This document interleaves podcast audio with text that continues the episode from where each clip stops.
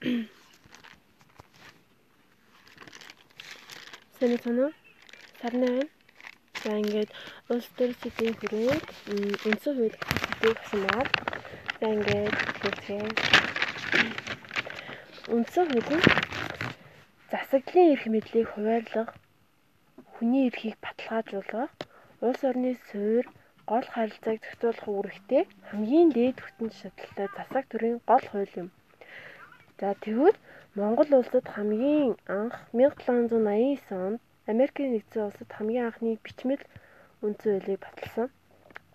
Үүнээс хойш 1924 он, 1940 он, 1960 он гэх мэтээр үргэлжилсээр хамгийн сүүлд 1992 оны 1 сарын 13-нд үндсэн хуулийг дахин шинжилж байсан.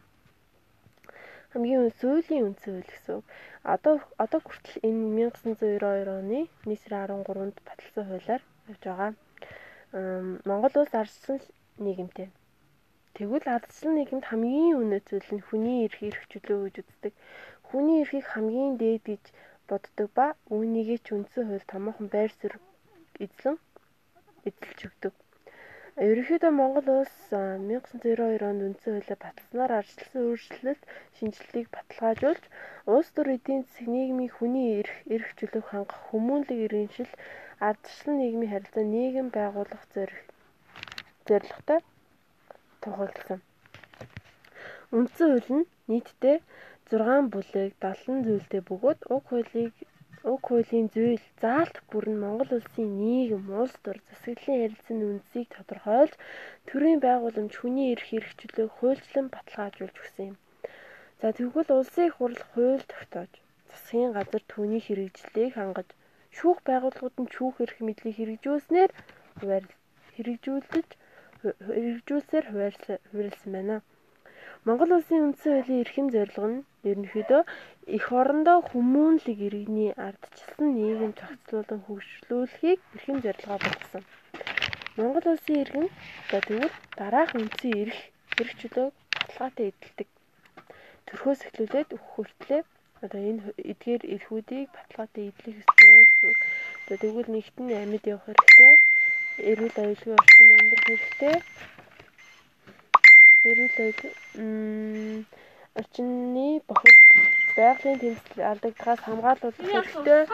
Сурч боловсрох хэрэгтэй. Эрүүл мэндийг хамгаалуулах эмнэлгийн тусламж авах хэрэгтэй. Шашин шүтэх, эс шүтэх эрх чөлөөтэй гэх мэт. Шашин шүтэх тэгвэл эрх гэж байгаа бол иргэний үүрэг гэж байна. Тэр нь хуулийг дээдлэн хүндэтгэж сахин биелүүлэх хүний нэр төр эрх ашиг сонирхлыг хүндэтгэх хуулийн дагуу албан тусар өгөх гэх мэт. Ер нь бол тэр улсын хуулиас нь л аливаа улсыг дүгнж болно. Монгол улсын хувьд цаазын хууль гэж байдаггүй. Бид нар өөрсдөө 3 улсын хүнтэй болохоор магадгүй цаазын хууль гэж байхгүй ч гэж болно. Хитрхи хүнд гимт тэр хийсэн л бол тэр хүн өөрийнхөө үүнийг хүртэх эрхтэй. Үндсэн хуулийн бэлтгэдэг дээд хэрэгтэй түүний заалтыг зөрчсөн дүгнэлт гаргах, маргааныг магадлан шийдвэрлэх, бүрийн эрх бүхий байгуулга, үндсэн хуулийн чандлан сахиулах баталгаа юм аа. Цэц эсэн гişүүдээ.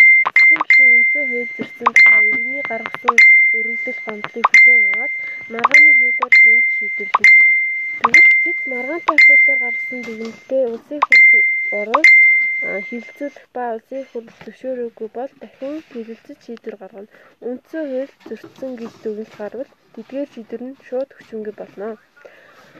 Улсын хурл төрийн дотоод гадаад бодлогын аль ч асуудлыг өөрийн онцгой бүрийн эрхэд хадгалж шийдвэрлэнэ. Үндсэн хуулиа ягштал дагаж мөрдгөн иргэн бүрийн журам төрөг болж өгнө. Хууль саяхан зөрчлийн тухай хууль гарч ирснээр үг үйлдэл хийж байгаа яриг наа захын зүйлийг хянахгүй бол энэ хуулиар дамжуулан хяналт тавьж ажиллана.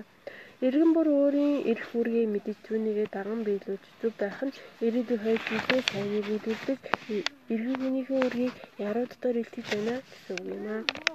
Баярлалаа.